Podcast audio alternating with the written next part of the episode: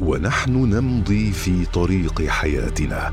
نمر على نقاط مهمة قد نغفل عن أهميتها أو تكون خارج نطاق رؤيتنا. نقط عمياء مع إبراهيم العجمي.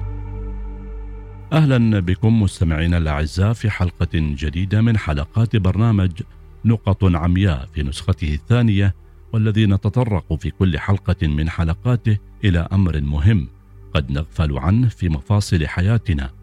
ويكون خارج نطاق رؤيتنا فنمضي في ممارسته فيشق علينا فعله أو يحرمنا الترك فوائده. في هذه الحلقة يمضي كثير من البشر نحو فكرة أن الطبع لا يمكن تغييره أو على الأقل صعب أن ينبري الإنسان إلى تغيير أطباعه خاصة تلك التي وصلت إليه وراثة متناسين أن لدى الإنسان إمكانيات وقدرات تؤهله لأن يتصدى إلى تغيير سلوكه ومنهجه في الحياة. وصحيح أن الإنسان كلما كبر في العمر أصبحت إمكانية تغيره أصعب. ففي مرحلة الشباب القدرة على التغير لدى البشر أقوى من مرحلة الشيخوخة. ورغم ذلك يذهب العلماء إلى أن كل سلوك يكون لدى الإنسان مهما يكون عمره يمكن تغييره إلى ضده. بشرط أن يكون لدى الإنسان القدرة الفعلية لهذا التغير.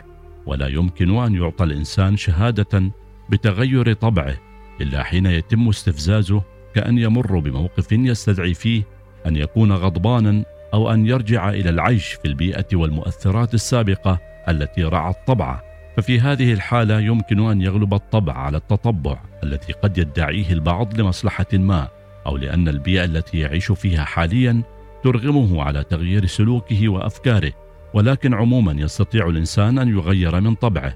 فالإنسان ليس كذلك الذئب الذي نما على حليب الشاه وعندما كبر افترس أمه من الرضاعة لأن الذئب والحيوانات عموما يصعب تغيير نمطها وأطباعها التي أودعها الله فيها فالحيوان المفترس لا يمكن أن يفقد هذا الطبع والأليف لا يتوقع منه أن يكون مفترسا ولكن الإنسان يولد على الفطرة النقية الصافية إلا أن البيئة والتربية هما من يكسبانه كثيرا من سلوكياته وأطباعه كما في الحديث الشريف بأن الإنسان يولد على الفطرة ولكن أبواه من يهودانه أو ينصرانه.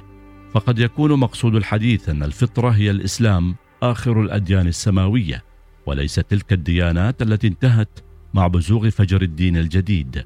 اذا فالطبع هو ما طبع على صفحة الإنسان والتطبع هو التصنع والتكلف. ولكن قد يكون التطبع طبعا وسجيه إذا سلك الإنسان السلوك الصحيح للتغير وكان لديه تلك النية والعزم اللذان يدفعانه إلى التغير إلى الأفضل. فمثلا من كان طبعه وعادته الغضب لا يمكن أن نقول أنه ورث هذه العادة وإنما اكتسبها من البيئة المحيطة به. ولتغيير هذه العادة السيئة وهي الغضب عليه اولا أن يدرك في قرارة نفسه وذاته أن هذه العادة سيئة وممجوجة من قبل المجتمع الذي يعيش فيه الآن وهناك العديد من الطرق المختلفة الأخرى لتحقيق ذلك فمنها التعزيز الإيجابي والتعزيز السلبي بأن يكافئ أو يعاقب نفسه.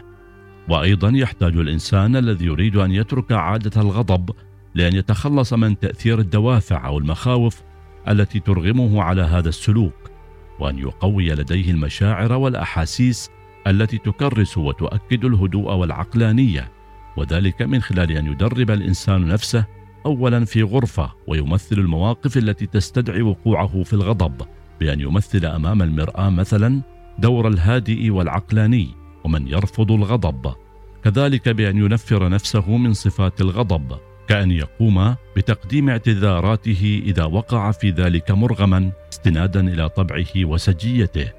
كما أن تغيير البيئة والأصدقاء وكل معزز يساعده على الغضب إلى بيئة وزملاء يشجعونه على الهدوء. كل ذلك يمكنه أن يحول صفة الغضب من حالة التطبع والسلوك المتذبذب إلى حالة الطبع والسلوك المترسخ. في هذه الحلقة مستمعينا الأعزاء وجهنا الضوء على نقطة من النقاط التي يغفل عنها البعض أو تكون خارج مجال رؤيتهم وهي أن البعض يعتقد أن الطبع في الإنسان لا يمكن تغييره. متغافلين عن أن لدى الإنسان من الإمكانيات التي تؤهله وتساعده على التغير من الأسوأ إلى الأفضل على أمل أن نلتقي مع نقطة أخرى من نقط عمياء. إلى اللقاء. نقط عمياء مع إبراهيم العجمي.